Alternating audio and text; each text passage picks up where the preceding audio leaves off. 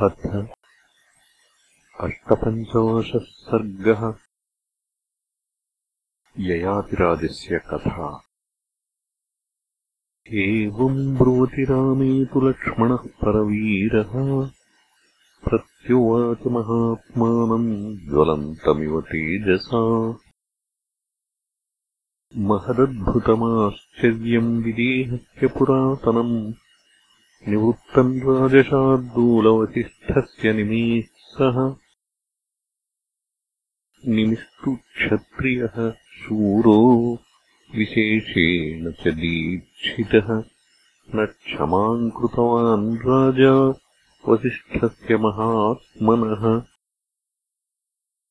एवमुक्तस्तु तेनायम् श्रीमान् क्षत्रियपुङ्गवः उवाच लक्ष्मणम् वाक्यम् सर्वशास्त्रविशारदम्।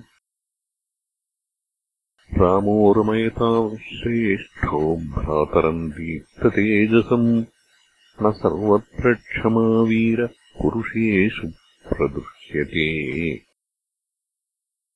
सौमित्रे दुःसहो रोषो यथा क्षान्तो ययातिना तत्त्वानुगम् पुरस्कृत्य तम् निबोधसमाहितः। नहुषस्य सुतो राजा ययातिः पौरवर्धनः। तस्य भार्याद्वयम् सौम्यरूपेणाप्रतिमम् भुवि। एका तु तस्य राजर्षेः नाहुषस्य पुरस्कृता। शर्मिष्ठा नामदैतेयी दुहिता वृषपर्वणः अन्या तूषणसः पत्नी ययातेः पुरुषऋषभ न तु सा दयिता राज्ञो देवयानी सुमध्यमा। तयोः पुत्रौ तु सम्भूतौ रूपवन्तौ समाहितौ। शर्मिष्ठाजनयत्पूर्वम् देवयानी यदुम् तदा पूरुस्तु दयितो राज्ञो गुणैर्मातृकृतेन च ततो दुःखसमाविष्टो यदुर्मातरमब्रवीत्। भार्गवस्य कुले जाता देवस्याक्लिष्टकर्मणः सहसे हृद्गतम् दुःखम् अवमानम् च दुःसहम्। आवाञ्च सहितौ देवि प्रविशावहुताशनम् राजातुरमताम् सार्धम् दैत्यपुत्र्या बहुक्षपाः। यदि वा सहनीयन्ते माम् अनुज्ञातुमर्हसि क्षमत्वम् न क्षमिष्येऽहम् मरिष्यामि न संशयः। पुत्रस्य भाषितम् श्रुत्वा परमात्तस्य रोदतः। देवयानी तु सङ्क्रुद्धा सस्मारपितरम् तदा इङ्गितम् तदभिज्ञाय दुहितुः भार्गवस्तदा आगतः त्वरितम् तत्र देवयानीतु यत्र सा। दृष्ट्वा चाप्रकृतिस्थाम् ताम् अप्रहृष्टाम् अचेतनाम् पिता दुहितरम् वाक्यम् किमेतदिति चाब्रवीत्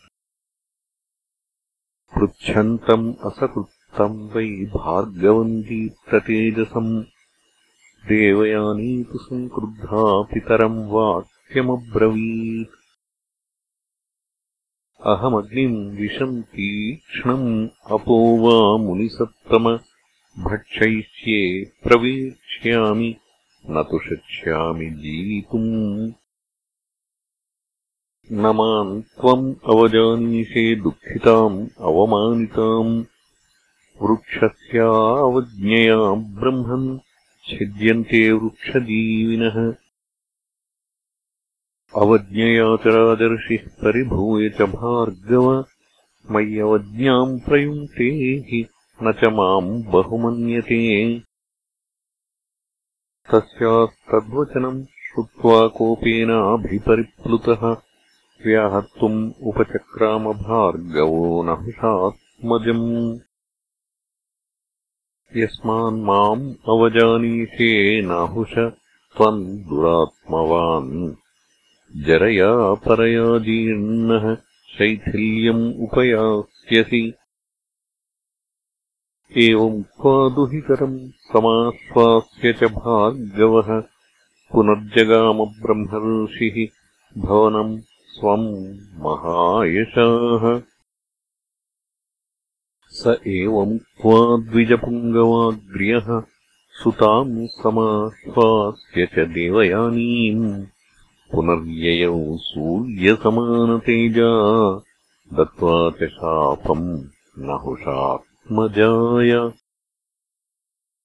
इत्यार्षे श्रीमद् रामायणे वाल्मीकीये आदिकाव्ये उत्तरकाण्डे अष्टपञ्चाशत् सर्गः